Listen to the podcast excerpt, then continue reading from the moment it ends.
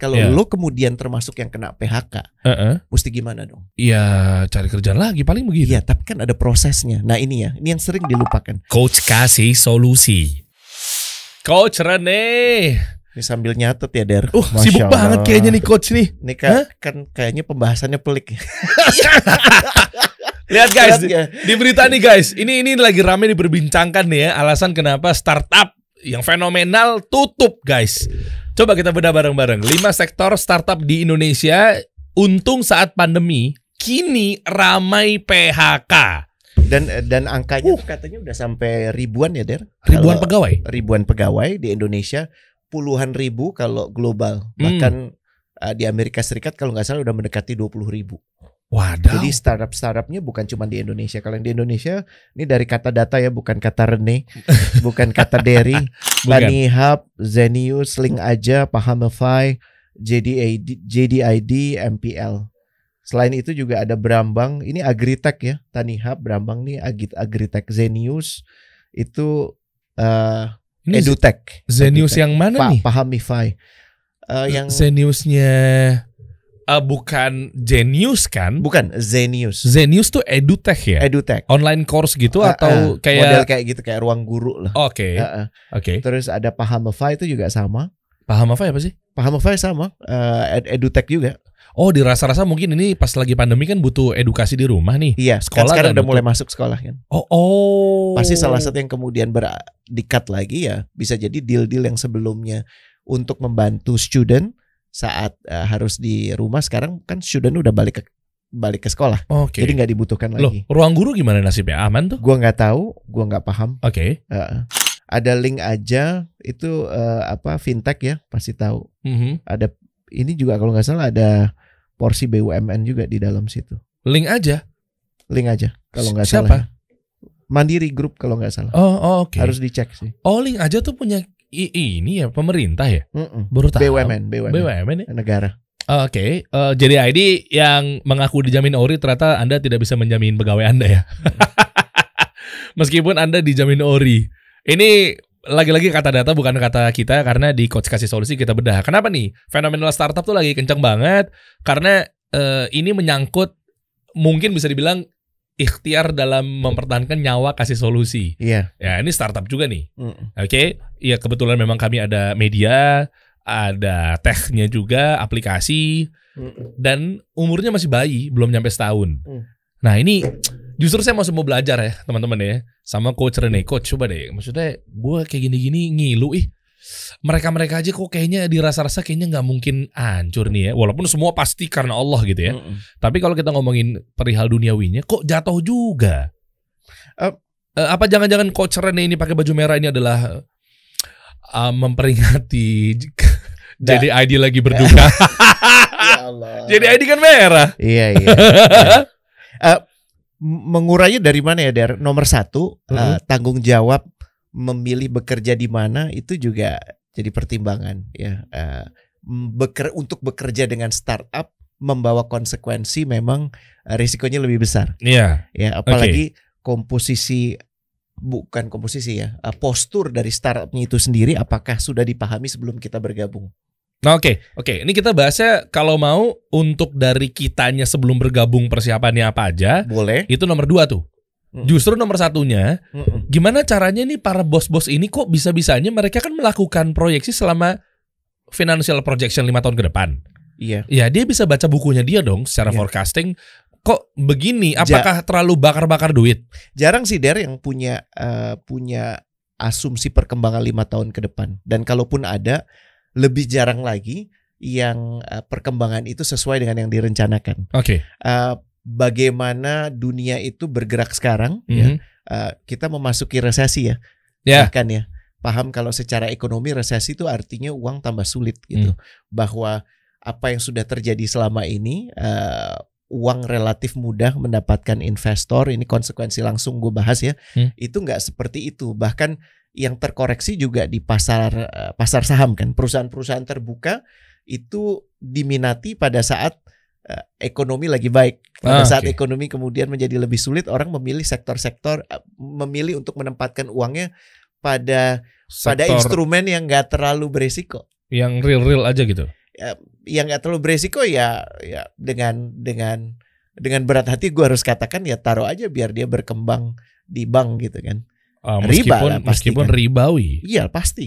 Ya Oh. kan dan orang melihat itu tidak lebih beresiko Hmm. gitu dibandingkan kalau naruh uang yang siklusnya naik turunnya besar sekali gitu. Jadi ini penting untuk dipahami eh, bahwa kemudian akhirnya duit yang sama Hmm. yang tadinya eh, dialokasikan buat startup jadi lebih sedikit Ah, Oke. ya kan? Oke. Dan efeknya apa? Efeknya eh, dari bisnis startupnya itu sendiri, apakah dia punya sudah punya bisnis model yang proven, sudah menghasilkan sesuatu gitu. Hmm. Ya, apakah bisnis modelnya sudah terbukti nih, udah terjadi dan kalau sudah terjadi apakah akan terjadi terus? Itu kan punya efek ya. Iya. Biasanya nafas startup tuh antara tiga bulan sampai enam bulan. Tapi kalau melihat kondisi jadi seperti ini Mhm. untuk bisa menarik dana dari investor berkurang, Oke. ya kan peluang itu menjadi ber- bertambah kecil. Oke. Apalagi kalau belum punya bisnis model yang proven itu celaka ya. Oh. Itu celaka. Efeknya apa? Hmm. Buat yang sudah punya bisnis model yang proven dia harus memperpanjang hidupnya dari 6 bulan jadi 12 bulan Oh iya dong. atau bahkan 24 bulan. Eh, iya. Dan caranya gimana? Tadi pekan lalu kalau nggak salah kita sempat bahas ya. Heeh. Yang lazim dilakukan adalah eh, efisiensi. Efisiensi jumlah headcount ya. Bener nggak sih lo butuh sebanyak itu orang? Kalau ada pekerjaan yang bisa dilakukan oleh satu orang aja kenapa harus tiga orang? Dua orang yang lain berarti dikeluarin. Nah ini nih, ini ini menarik nih guys. Apakah mereka nggak punya ilmunya dalam artian HR management misalkan? Mm-mm. Maksudnya mentang-mentang ada funding, ada investornya, ada venture capitalnya, lalu dia kayak jor-joran gitu loh. Maksudnya kan tadi kan gini, eh, eh, eh, eh, bukan maksudnya mengkomparasi ya coach ya. Mm-mm. Maksudnya kalau saya sih pasti dukung coach Rene Suhardono Masya Allah. sampai titik darah penghabisan. Tapi maksudnya gini, di sana kan juga artinya ada juga dong coach Rene yang lain Iya. Eh, kebayang ya coach ya I mean, i- i- i- yang menjadi advisory yang menjadi bahkan bagian darinya gitu maksudnya masa dia se nong nong itu sih Gini, untuk kalau ngebaca kalau buat lo, buat kita yang punya pekerjaan, keputusan untuk bekerja atau tidak bekerja di tempat itu tuh keputusan besar. ya Dengan sangat menyesal gue harus katakan untuk banyak organisasi ini keputusan logis aja. Jadi keputusan yang harus dijalankan apabila memang kita harus melakukan penghematan. Sedikit sekali perusahaan yang melihat employmentship eh, siapa yang gue harus pekerjakan itu critical, sedikit sekali. hmm. Jadi memang pilihan untuk memberhentikan orang demi efisiensi itu pilihan logis aja, pilihan natural aja. Gitu. Kalau tadinya memang gue berpikir untuk ekspansi bisnis dan sekarang ekspansi kayaknya kita pikir ulang lagi ya karena yang lebih penting survive. nah itu, itu Ya. kenapa nggak awalnya berpikir Ya seperti itu nggak bisa. Dulu kan pada saat misalnya gue kasih contoh kayak kawan-kawan yang tadi memberhentikan orang, Hmm. mungkin kan pemikir siapa sih yang bisa tahu kita akan pandemi? Siapa sih yang bisa menebak bahwa pandemi itu akan selesai ya, ya. Eh, sekarang kita udah memasuki era mungkin kalau para dokter bilang para ahli epidemiolog bilang kita udah masuk endemi. Punya konsekuensi apa terhadap bisnis? Dari tadinya bisnis lo naik, ya kan? Hmm, Eh, kenapa? Karena anak-anak sekolah pada belajar dari rumah. hmm, Sekarang kan tentunya pada kembali ke sekolah, jadi kebutuhan untuk untuk layanan lo lebih sedikit. hmm. oke Contoh lain Hmm. yang paling ya nggak mengatakan buruk, yang paling berjaya itu rumah sakit pada saat pandemi. oke Nasabah mereka cuma satu namanya pemerintah Republik Indonesia. Iya. Kliennya betul kan? di mana Karena semua yang langsung COVID kena langsung dibayarin oleh eh, BPJS Kesehatan gitu. Iya. Sekarang kan udah nggak ada, tapi apa lu perlu mendoakan untuk terjadi pandemi berikut oh kan enggak kan? na- naudzubillah. Nah, utubillah. Jadi Hmm. memang ada hal-hal yang lu bisa prediksi, ada yang sama sekali nggak bisa dan ini bentuknya mungkin udah membe- mungkin di kawan-kawan itu udah terbentuk tim nih pernah kejadian ya Iya, iya, dari iya. Hah? mereka membentuk tim untuk ekspansi karena merasa memang ke depannya kita butuh ekspansi. oke Bulan depannya kabar ada pandemi datang. boom Boom.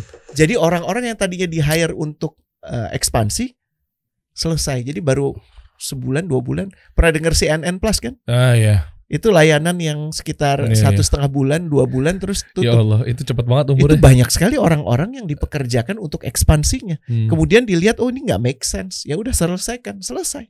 Hmm, oke. Menarik kalau mau coach Rene. Kita bahas satu persatu tadi. Eh Coach Afwan, sebelum masuk ke slide, ya waduh ini slide-nya kalau udah ngomongin slide coach Rene emang ngeri mah. gue memang harus Iya, ngan- iya, kalau bicara soal PHK, Oke. heeh, lo mau, ngom- mau ngomongin Ini nih nih nih. Kan ada JDID di situ. Heeh. JDID kan kalau dilihat dari keukur pandemi kan memang oke lah yang edutech karena memang udah pada balik ke sekolah ya udah fine. Iya. Sepakat. Tapi kan ada JDID ya. Yang memang salah satunya apa ya e-commerce atau mungkin di marketplace. Mm-mm. Kan sekarang habitnya memang udah marketplace banget dan semua semua serba online. Kenapa dia juga tumbang? Eh, gua nggak paham spesifiknya jadi jadi ID kenapa tapi bisa jadi ada tiga faktor sih. Nomor satu confidence. Confidence kan bisa berubah. Hari ini lo ngerasa, oh hari ini gue bakal bisa jalan 5 kilo.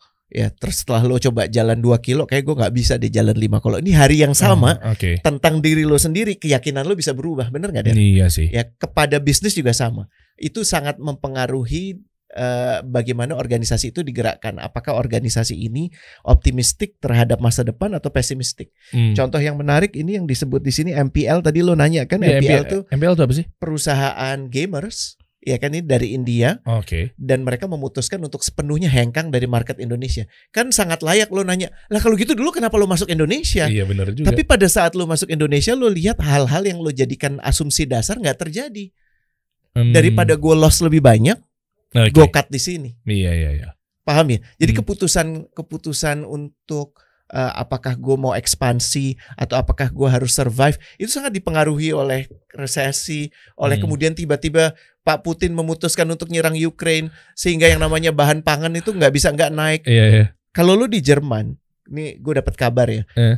per barel atau per liter bensin dari 18.000 sekarang udah mendekati 80.000 ribu Yang benar kenaikan Serius? berapa ratus persen tuh? iya Goks. ya hampir 300-400 persen Heeh. dan dan kalau nggak hati-hati ini juga terjadi efek kepada e-commerce apa? Iya, sek- secara kasat mata aja, secara kita bicara logis aja der. Hmm.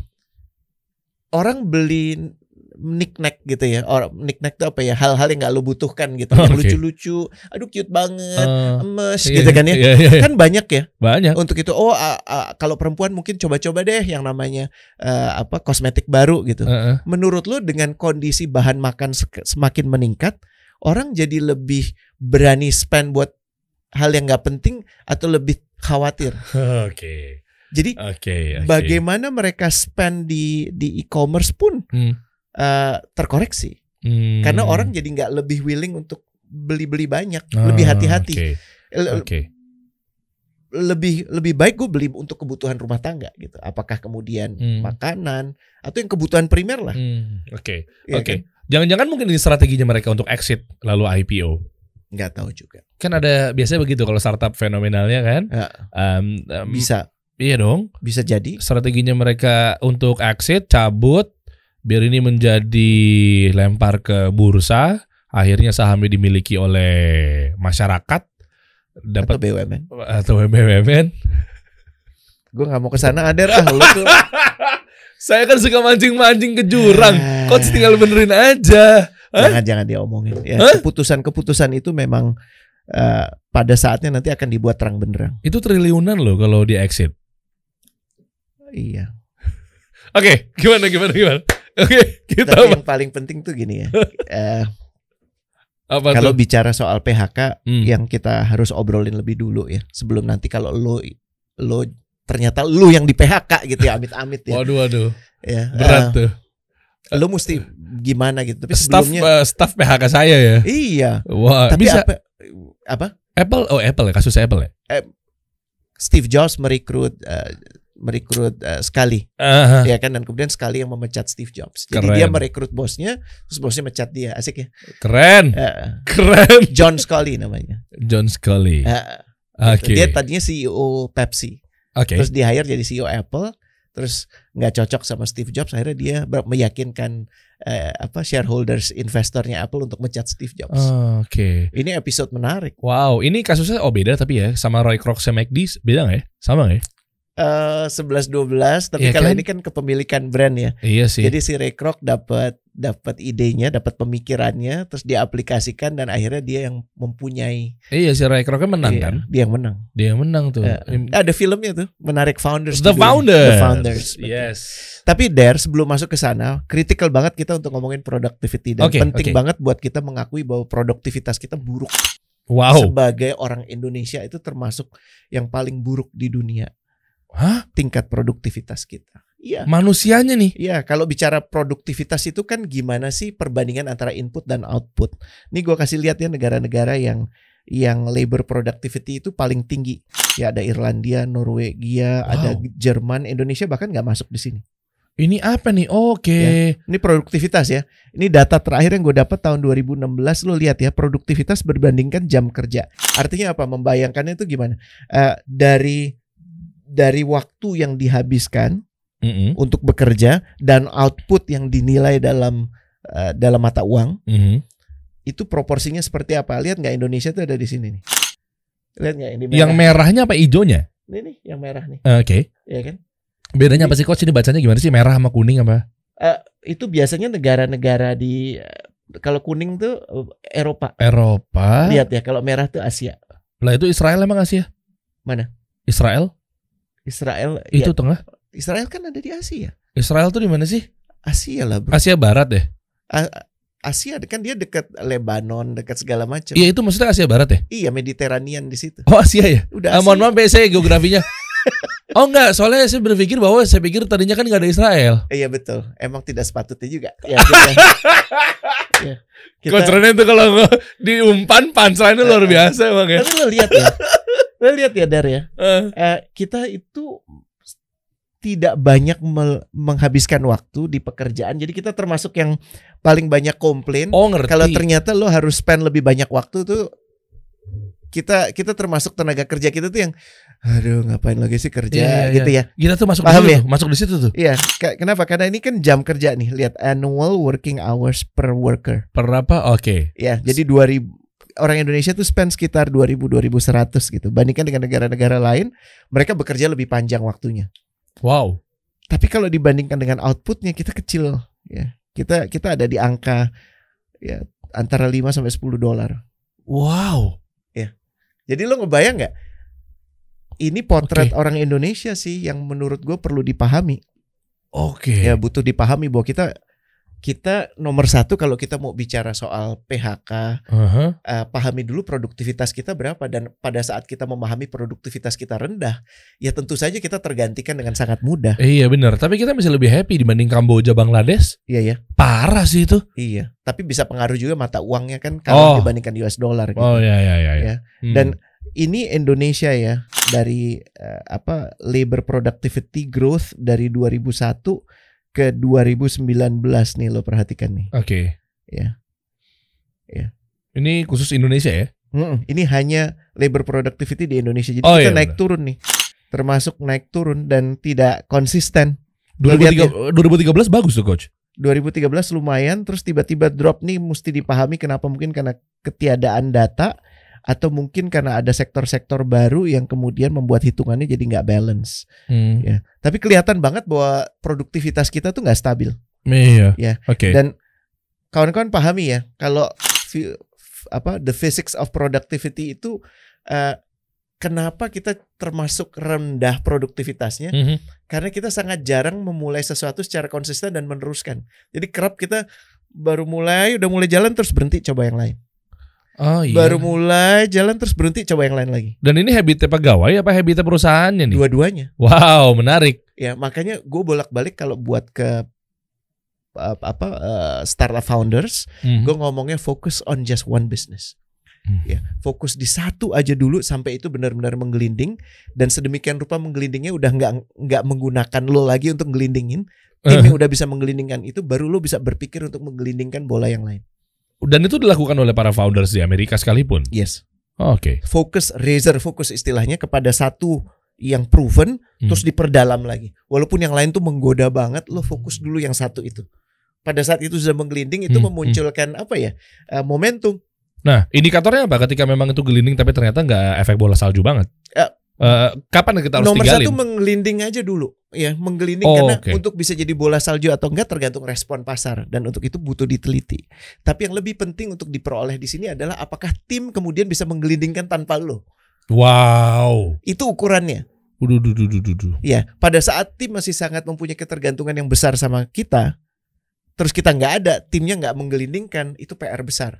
Iya. Karena artinya untuk bisa terus menggelinding itu butuh digelindingkan. Iya, benar. Gitu. Nah, ini ini makanya ya pahami itu ya, bahwa objects in motion tend to stay in motion terus aja. Oke. Fokus kepada satu hal buat tenaga kerja, buat individu. Kalau lo sedang fokus satu hal, jadi sangat baik di situ dulu. Hmm. Jangan pindah-pindah dulu. Jangan alih fokus dulu. Jangan kemudian karena lu lagi mengerjakan ini terus ada tawaran 20% lebih tinggi di startup atau 50% akhirnya lu pindah. Terus pada saat startupnya tutup lu lu bingung. Nah, ini Lu kalau kondisi nggak mau- star- startup, kalau kondisinya misalnya perusahaannya memang sudah eh, sustain gitu. Kalau perusahaannya sustain terutama kayak sekarang pahami dulu lu tinggal di situ bukan sekedar untuk mendapatkan mata pencarian. PR yang paling penting buat lu adalah untuk bisa menggapai keahlian.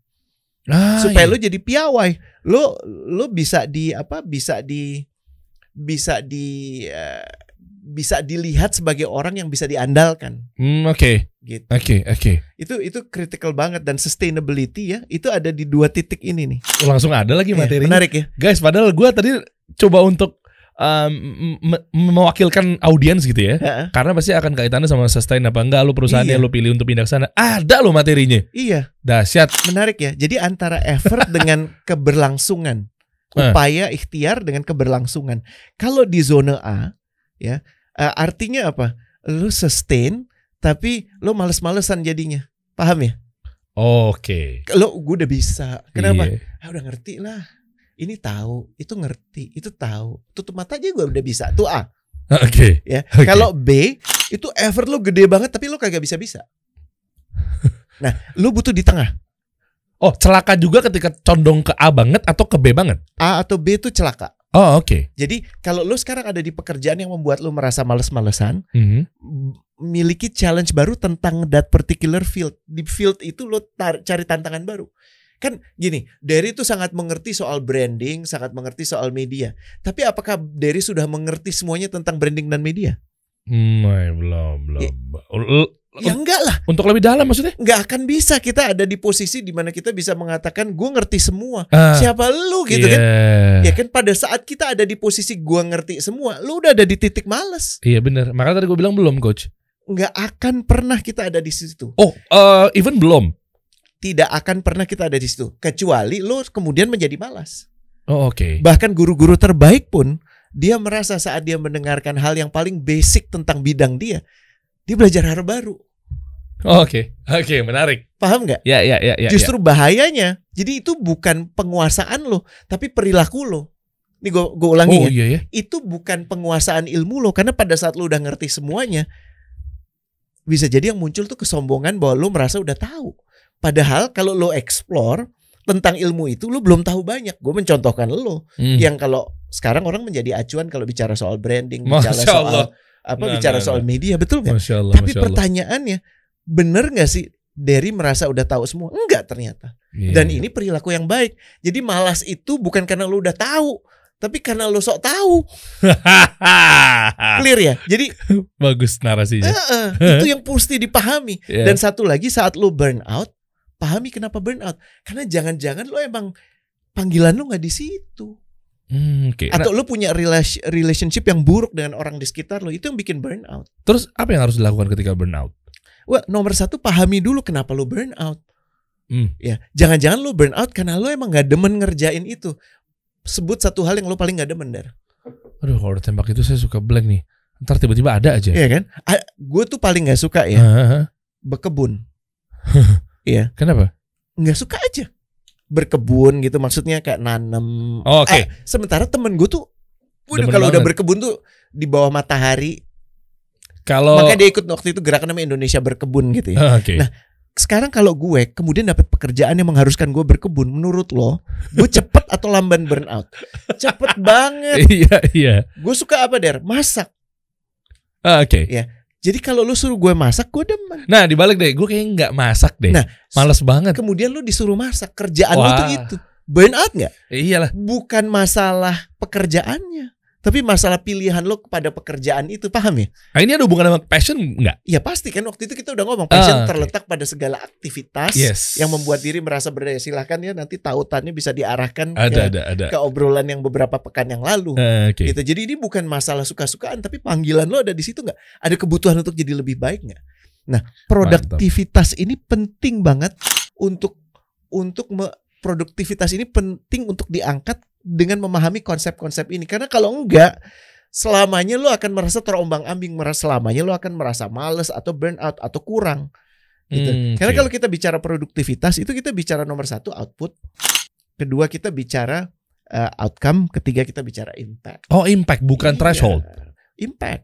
Oh, Impact. oke. Dampaknya kepada yang lain tuh gimana? Oh, oke. Ya paham ya. Oke, ini menarik nih, menarik. Gitu. nih. Nah Oke. ini yang perlu di perlu dimengerti ya. Ini gue nih ada ininya nih, Ah, ada coba. ilustrasinya nih Ah, kalau mau boleh dong. di Di- play ya misalnya. Ah, ah. ya. Kan kayak zaman dulu ya kalau bicara soal output, bapak saya bisa menulis. eh, zaman dulu tidak ada mesin cetak gitu ya. Hmm? saya bisa menulis eh, dua buku dalam waktu setengah tahun. Oke. Jadi tiap tiga bulan satu. Oke. Terus kemudian lo bisa tiga buku dalam setengah tahun. Peningkatan output kan? Mm-mm. Tapi kemudian Gutenberg itu menemukan apa? Menemukan mesin cetak. Jadi Ya. udah nggak dibutuhkan lagi. Sian tuh. Ya. Lah, Pertanyaannya sekarang lo tuh lagi memunculkan output apa outcome? eh, Kalau oke. yang tadi tuh output, lo kerja berapa jam tuh output. Tapi ngapain lo di dalam jam kerja lo oh, itu outcome? outcome. paham ya lebih Iya. dahsyat lagi impact yang ini kemarin kita sempat bahas di pekan sebelumnya tentang kalau lo mau asik ya lo mau asik lo mau terus berkembang bahkan dipertimbangkan untuk PHK aja enggak gitu bahkan Oke. bos lo bilang mendingan gue yang di PHK daripada anak buah gue gitu Itu kalau sampai di level itu dahsyat banget tuh. iya kenapa karena kalau ada anak buah kalau dengan anak buah gue nggak ada hidup gue susah Wow. dan gue mendingan cari pekerjaan lain dan gue ajak anak buah gue itu ada lo beberapa seperti itu kenapa Oh, iya. karena anak buah dia sudah sedemikian rupa tidak tergantikannya. Sepertanyaan gue, Hmm.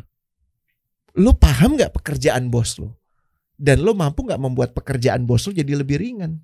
Hmm, kuncinya itu. Itu, itu impact Ya, ya, ya. ya. Jadi gimana kemudian kita bisa beralih Mm-mm. dari cuman sekedar apa output?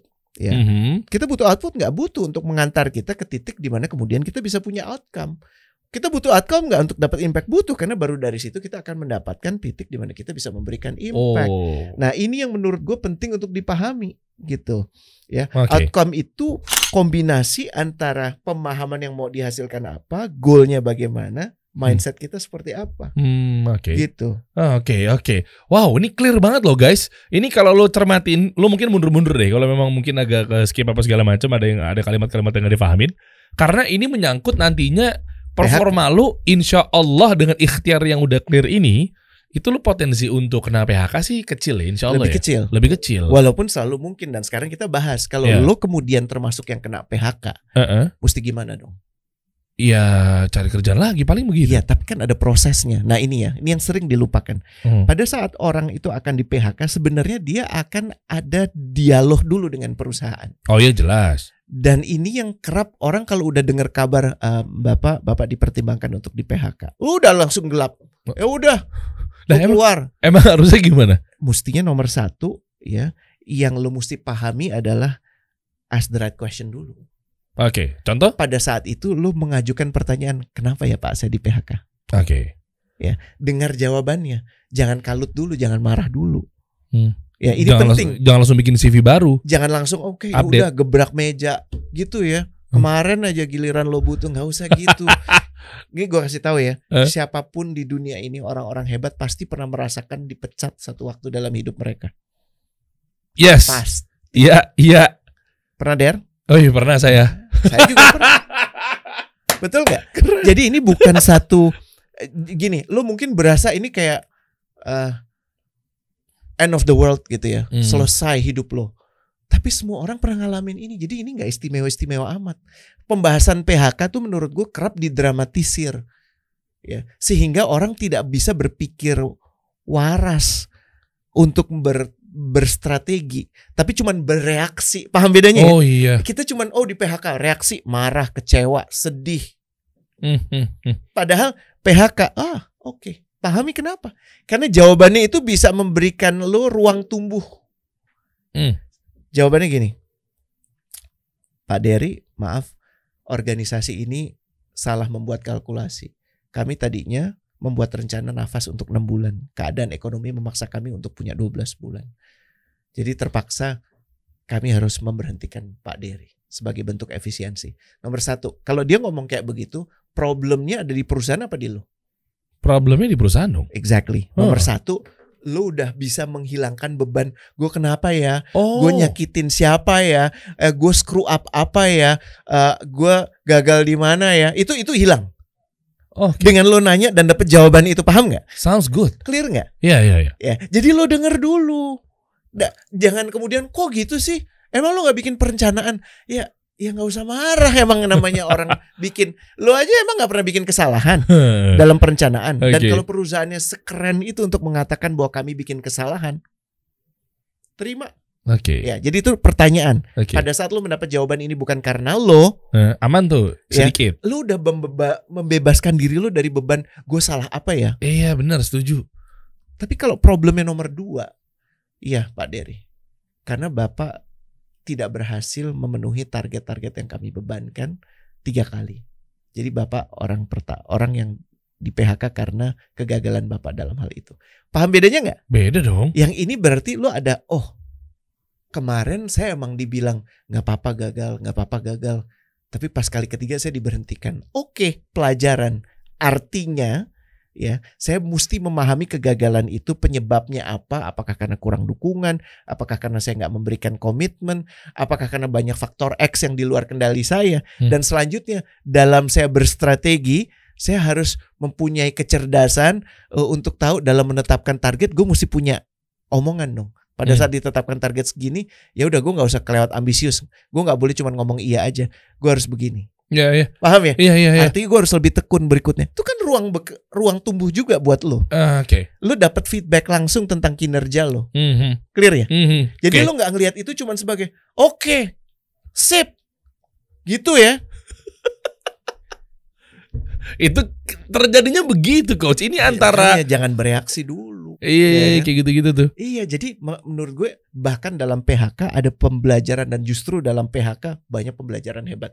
Oprah Winfrey kalau lo nggak pernah denger. ya. Oh, tak Lo oh, pernah dipecat. host papan atas tuh emang pernah dipecat? Nah, Emang dipecat di mana? pelik. Eh, Lihat Di- Oh. aja kehidupan mereka siapapun itu ya pasti pernah melalui proses di mana mereka dianggap nggak perform atau mereka jadi korban eh, apa eh, in eh, resesi banyak. Oh, Ini- iya, iya, iya, iya. Ini iya, justru iya. kesempatan lo untuk bisa memikirkan ulang gue mau ngapain ya dalam hidup ini. Oke, Gitu ya. menarik, menarik. Ini sama nggak halnya dengan ceritanya Jack Dorsey ya atau siapa gitu kalau nggak salah, founder Twitter. Twitter. Mm. Dia ngelamar Google Mm. atau ngelamar apa dia nggak keterima berkali-kali. Akhirnya dia nge-tweet eh, waktu itu dia nge-tweet eh, tweet pertamanya itu cerita tentang dia Gimana curhat. dia ditolak? Iya, Bisa jadi. dan ternyata viral tweetnya dia pertama kalinya dia bangun Twitter, dia bikin platform, dia Ada. cerita bahwa Ada lagi di LinkedIn gue pernah cer- pernah dengar pembelajaran seseorang saat dia tahu dia dipecat. Itu keren juga. wow, tuh. Lo cari dan itu lumayan jadi viral di LinkedIn. Hmm, oke, Artinya apa? Kalau lo bisa me- menata diri lo tidak reaktif ya dan coba mendapatkan pembelajaran dan bahkan saat lo berbagi pembelajaran itu yang gue tahu sih orang itu ya Mm-mm. dia dapat tawaran kerja pada hari yang sama dari beberapa perusahaan. Oh. Karena- Gini, ngelihat kedewasaan orang ini dalam menyikapi bagaimana dia dipecat. dan bagus juga strateginya. Apakah itu masuk dalam demand creation? Bisa jadi itu Iya. demand creation strategi lo banget gitu kan memunculkan kasih solusi. Iya, iya. Jadi nomor satu apa tadi ask the right question. Heeh. Jangan eh, kok lo berani beraninya pecat gue itu the wrong question. Asik Ah, betul. gue dari semua orang yang ada di sini yang gue tahu yang orang itu tidur aja karena dia sepupunya yang punya gue lo pecat gitu itu pertanyaan yang salah pertanyaan yang benar adalah pak terima kasih untuk kabar ini kenapa saya dipertimbangkan untuk dipecat atau kenapa ya saya dipecat Hmm, Paham ya? Oke, beda tuh. paham ya Iya. terus nomor dua term saya dipecat bagaimana pak karena kabar baiknya kalau lo dipecat Mhm. artinya perusahaan yang salah kalkulasi lo berhak dapat paket Oh iya ya. dan paket itu ditentukan juga dari perilaku lo. Kalau lo ngeselin lo dapat paket yang paling rendah. Oh gitu, bukannya ditentukan dari berapa kali Iya, ya ada gajinya? juga, tapi kan ada Iya. Gaji, kan? severance, ada severance dia tahu lo nya baik semuanya ini. Ya dikasih yang Hmm. maksimal. Tapi kalau lo mau bikin susah, lo ngancem mau memperkarakan ini ke pengadilan, ke tenaga kerjaan dan seterusnya, ya udah deh kita ketemu di pengadilan aja ya. Ya. Susah kan hidup Udah lo deh, ya. Berhadapan sama yang power udah deh, sama yang power power begitu powerful. Iya. Bener ya. Jadi nomor satu pahami dulu bahwa kalau lo bertanya pertanyaan yang benar, Mhm. lo akan dapat jawaban yang benar. Nah, ini poinnya. Yes. Yes, yes, yes. Mantap. Ya. Mantap. Da- jangan next step adalah jangan sungkan untuk menegosiasikan. Maaf Pak, apakah mungkin saya diberi kesempatan ya Kalau yang misalnya lo dibilang gagal, Mhm. ngomong aja. Bisa nggak saya diberikan kesempatan? Eh, Muntur nggak dikasih. Ya kalau lo nggak nanya gimana lo bisa tahu Iya, gitu ya? Betul, betul. Eh, memungkinkan nggak saya dipecatnya bulan depan? Memungkinkan nggak paketnya bisa saya dapat lebih awal? Memungkinkan nggak? Paham ya? Oh, oke. Eh, Dinegosiasikan aja. Oke. Tapi dengan respectful, dengan Eh, dengan hormat, eh, Oke. dengan tidak merendahkan Oke. ya diri lo ataupun dia. Eh, Nah, ini Gitu. bisa juga nggak coach ketika kita negosiasi kita bilang bahwa mungkin kan ini kan gara-gara cash flow. Karena bisa memang nggak saya dapat gajinya separuh Ah. saja? Ah, itu bisa Kemudian, lah, iya ini kan bagian dari negosiasi. Eh, atau turun, Daripada lu pusing. turun turun jabatan gitu. Eh, kalaupun turun jabatan itu terlalu hina buat lo gitu ya. ya. Boleh nggak saya ambil jadi paruh waktu? Karena saya merasa ada beberapa pekerjaan yang butuh diselesaikan dan saya tahu perusahaan bukan ingin memecat saya tapi karena tidak punya kemampuan untuk membayar saya. Fuh. Bisa nggak saya dijadikan karyawan lepasan sehingga saya bekerja dua hari? Hmm. Itu itu kan bentuk kayak gini. Seneng nggak sih lo kalau ada orang yang kemudian dia nggak negatif, Eh, iya. dia menyikapi itu dan berusaha memunculkan solusi-solusi. Oh, itu sehat sih. Sehat sih. dan nih ya, ini ini pernah terjadi dalam orang yang gua kenal. Mhm. Dia dibayar di satu perusahaan itu 10 juta. Ini katakanlah ya, Per month. per month. Posisi dia adalah eh, pokoknya orang yang bikin business analysis. Oke. Jadi untuk tahu apakah seba- seberapa efisien perusahaan dan segala macam. Oke. Orangnya menyenangkan sekali dan kerjanya bagus sekali tapi perusahaan nggak mampu bayar dia. Akhirnya dia menyepakati ya pada saat ditawari un- eh, pada saat diminta untuk eh, apa pada saat hendak akan di PHK karena perusahaan juga harus efisiensi, Hmm. dia bilang, "Bapak punya kesanggupan untuk bayar saya berapa?" Ah, keren banget punya pegawai begitu, Bos. Ha-ha. Gitu ya. Sampai bingung. Oke, kami butuh sekali sih apa yang kau lakukan. Gini aja deh eh, kata orangnya. Kita sepakati saya paruh waktu aja ya. Jadi saya berhak menjual waktu lain. Jadi dia kerja dua hari Mhm. dalam sepekan Mhm. ya dan dua hari itu dia dibayar 5 5 juta bukan Oh, oke. 10 juta Jadinya freelancer. seperti freelancer tapi paruh waktu disebutnya Ah, Oke. Ya. Oh, masuknya part time tetap ya? part time karena Wow. dia happy banget bosnya happy ada dia Hah? reportnya sama sekali kualitasnya tetap sama Wih. direkomendasikan ke perusahaan lain Wow. ke teman bosnya yang nggak ngerti gimana menyajikan report tentang efisiensi tentang produktivitas dia tuh jago bikin infografik dan segala Ah, macam Oke. di perusahaan yang itu dia ditawarin tujuh setengah juta bukan dua hari kerja ya sehari kerja karena dia udah lebih jago Oh. dan dia udah oke. punya orang yang bisa memberikan dia supply data Tuh guys, lihat Ya. feedbacknya tuh kalau lu main-main sehat-sehat dan secara kooperatif tuh. gue belum selesai der Oke. sampai hari ini dia punya tim perusahaan yang khusus membi- membuatkan analisa dan infografis Wow. dia ada tim tiga orang dan gue nanya lu sekarang ini ini sekitar lima tahun kemudian ya lu dibayar berapa ya kira-kira adalah gue ngantongin 75 sampai 100 Apanya sekali project? Bukan, setiap bulan. Setiap bulan. Masya Allah. Jadi ada beberapa belas perusahaan dia bantu. wow. Dia memunculkan satu ceruk yang sebelumnya nggak pernah ada. Karena kan dulu kan orang, oh bekerja ya artinya lo bekerja walaupun bekerja buat gue, bekerja buat perusahaan ini. Jadi walaupun lo kerjanya mungkin mungkin cuman Mhm. sepekan, Aha, sebulan kan ada empat pekan, ada Mhm. empat minggu nih. aha. Dia cuman kerja sepekan. Ya, Iya. tiga tiga minggu lagi, tiga pekan lagi kan dia kudu kelihatan ada di situ.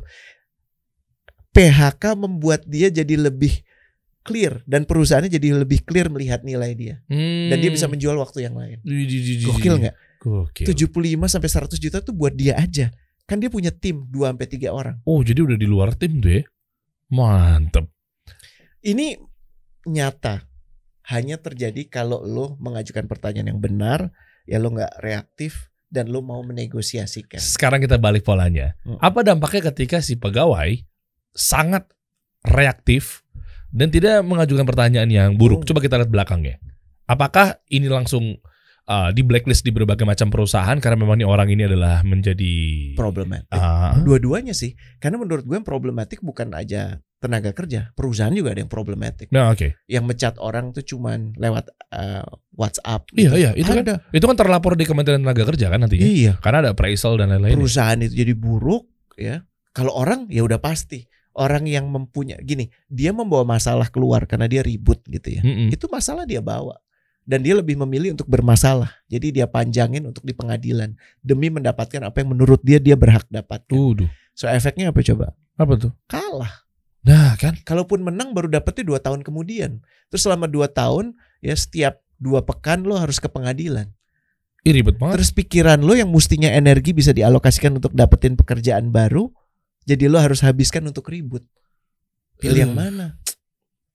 Ya, paham ya? Sia-sia. Jadi dalam keadaan PHK pun banyak pembelajaran yang bisa lo dapatkan. Mhm, iya, iya, iya, iya. Cuman masalahnya lo mau ambil kesempatan itu atau enggak gitu kan. Nah ini nih. Sekarang pertanyaannya ribuan orang yang dari JDID, jadi link aja, itu kemana tuh coach kira-kira? Menurut prediksi coach Rene nih, maksudnya apakah memang habitnya dia ya udah luntang lantung? Apa memang dengan default setting yang sama? Cabut dari sini ya udah gue pindah kerjaan ya, ya pada umum ya? Atau mungkin dari perusahaan sendiri ngebuatin, eh gimana ya kayak gitu tuh? Ya, kalau gue bisa duga sih, eh, Nasibnya. nih. seharusnya baik karena mereka dari perusahaan bereputasi. Oke. dan keluarnya bukan karena satu permasalahan yang terkait dengan eh, apa dengan fraud gitu kan ada perusahaan yang Oh. ketahuan fraud lo kerja di mana ya perusahaan yang kemarin diperkarakan sama polisi itu oh Waduh. gitu kan itu kayak nggak kayak gitu kan Enggak Jadi, sih. nomor satu apapun itu opsi-opsinya menurut gua yang lo harus jaga kebersyukuran bahwa eh, lo berasal lo pernah bekerja dengan perusahaan yang bereputasi dan perusahaan-perusahaan yang disebut ini kan perusahaan bereputasi Iya. jadi ya nomor satu yang lo bisa lakukan ini langkah berikutnya, ya. Hmm. Eh, be realistik. Ya, Hmm, jadi oke. lo realistik aja dulu. Nafas lo sebagus apa? Makanya perencanaan keuangan lo udah seperti apa? Nah itu Dapur tuh. lo yang penting ngebul dulu. Ya jangan pride dulu. Ya gue sebelumnya di sini di JDID gue eh, vice president. Di sini gue cuman mau ya, vice president minimal atau senior vice president. Ya nggak ada kalau posisi itu nggak ada lo mau nunggu. ya kan makan tuh yang namanya pride, makan yang namanya jabatan. Biasanya gitu soalnya. Oh di sini tidak ada penamaan vice president. Yang ada di sini adalah manager. Iya. Wah nggak bisa, saya vice president. Repot kan? Repot. Padahal gajinya duitnya sama. Ada loh kejadian tuh. Gue Ada ya? pernah ngalamin tuh. Orang nolak masuk ke satu posisi karena title. Oh gila title ya. Duitnya lebih gede dia yang dia mau masukin ini. Jadi buat dia yang lebih penting adalah title. Karena buat dipampang di bio dan kartu nama. LinkedIn saya nanti akan ngelihatnya gimana. Ngerti gak Ya sih lo? Allah. I- Inilah kalau udah bicara Eh. soal ego ya. PR ya. Hmm, iya, iya, gitu iya. dan ini yang harus dikelola memang sih gitu dan kawan-kawan itu selama dia bisa jaga eh, kebersyukuran eh, realistik kan kita waktu itu sempat bahas untuk Hmm. CV cari kerja ya, Iya, iya, iya, ada iya. di link yang di coach kasih solusi juga tuh ada ada ada. ada. Iya kan Heeh. bisa lihat ke sana Bisa. apa yang bisa dilakukan jadikan ini sebagai project lo untuk bisa menemukan direction hidup yang baru Cakep. Oh, asik itu mantap. Dan kalau pindah ke perusahaan lain pun juga itu eh, angka juga bisa menyesuaikan nggak sih kalau memang ternyata kita dari reputasi perusahaan yang baik? tergantung Bisa tergantung dan eh, kan sebenarnya gini gue udah pernah memberikan rekomendasi beberapa waktu yang lalu pergi ke Hmm. Glassdoor lihat dia dibayar eh, di perusahaan-perusahaan itu bayarnya berapa Iya. kan lu sebenarnya nggak perlu kepoin orang tinggal lihat aja di Glassdoor dan kalau lu udah dapat informasi tentang yang lu dapatkan berapa lu juga masukin dong ke Glassdoor jadi transparansi tentang pembay- penggajian itu semakin terbuka gue sih mendukung itu ya Hmm. ya karena menurut gue itu fair Hmm, Oke. lebih fair. Orang tahu dia dibayar berapa tuh lebih fair. Oke. Pilihan perusahaannya coach dari mereka yang keluar dari perusahaan-perusahaan startup ini, apakah harus masuk di startup lagi? Kita buntu Enggak loh sih. informasi kayak gitu. Fokusnya adalah pada kepiawaian lo, di mana lo bisa bermanfaat. Bahkan yang lebih penting lagi dari situ keyakinan akan kebermanfaatan itu sudah dirasakan oleh orang-orang yang pernah bekerja dengan lo. Jadi the next thing yang lo perlu lakukan, hal yang perlu lo lakukan, lihat network lo. Network tuh bukan siapa yang lo kenal ya, Hmm. tapi siapa yang kenal lo. Wah, keren. Ya. Siapa yang lo kenal? Bukan siapa yang lo kenal. Oke. Lo kenal Jokowi, Eh, iya dong. Jokowi kenal lo nggak? Enggak Nah itu sih. pertanyaannya. Jadi lo ada di networknya Jokowi, tapi lo bukan network, lo Jokowi bukan network lo. Nah, Oke. Ini yang menurut gue penting untuk dipahami dan lo coba bah, coba lihat eh, peluang-peluang yang ada itu bukan dengan oh gue cuman mau di startup saja, bukan. Cari keahlian lo, cari kontribusi lo selama ini dan kira-kira membutuhkan kontribusi lo tuh perusahaan yang kayak gimana? Hmm, nggak harus startup juga kan? Oh, Nah, oke. Razi kan pernah bilang ya, Eh. esensinya semua yang baru memulai ya startup. Jadi semua perusahaan sebenarnya mengawali dari startup. startup. warteg aja startup gitu kan. Jadi nggak usah terlalu terbebani oleh julukan itu menurut gua. Mantap. Gitu ya. Mantap, Eh, mantap. Bocoran dong coach untuk next episode next week. Kita gini aja. Heeh. kita pengen denger sih cerita-cerita kawan-kawan yang kalau misalnya menyimak atau kenal orang yang menyi- orang menyimak episode ini Hehe. atau eh, kenal orang-orang yang juga belum menyimak tapi dia m- melalui PHK dari kan? ah, startup ini. ah. Kami ingin dengar ya kalau ada beberapa yang menarik kita bisa bahas di sini. Iya Ya, iya iya. Jadi kalau lo ada pertanyaan, kita jadikan kita dedikasikan aja kalau ada pertanyaan-pertanyaan terkait tentang apa yang lo hadapi saat lo harus eh, PHK, Iya. jelasin situasinya, jelasin keadaannya, Iya. jelasin apa yang sudah disampaikan tadi. Kalau lo sempat uji cobakan, responnya seperti apa? Mm-mm. Ya. Atau kalau lo kemudian ada ada apa? Ada ada teman yang melalui itu kasih tahu. Ya, Gitu. Iya, boleh tuh Bisa kita. Eh, share di kolom komen, Heeh. ya atau mungkin bisa apa, DM. Kalau ini bisa DM juga. Iya DM ke kasih solusi di Instagram misalkan, Iya kan? ya kan? Kalau misalnya lu ribet eh, untuk email, Heeh. Nah, nanti kita data di sini. Iya. Misalnya ini eh, ada nih teman gue salah satu korban dari ribuan yang ada di perusahaan-perusahaan startup yang memang pada gulung tikar tuh. Mm-mm. Sebenarnya kita mau tahu tuh kenapa sih? Ya, Hmm. apakah memang kendalanya memang dari si perusahaan tersebut atau jangan-jangan dianya sendiri nih? dan strategi yang lo ambil apa Heeh. terus bagaimana lo mengkomunikasikan kepada keluarga nah kita akan bahas lebih lanjut karena menurut gue ini pembahasan yang butuh butuh berproses dan butuh konteks cerita kalau ini kan cuma dari gue aja Iya betul. dengan cerita-cerita yang gue paham Oke. tapi kita butuh dengar dari kawan-kawan yang melalui ini menurut Mantap. lo gimana Asik ya? Boleh, boleh kita bahas Boleh ya, aja di kita coach coba kasih ya. solusi. Heeh. Heeh. Boleh, oke next week. Coach kasih solusi.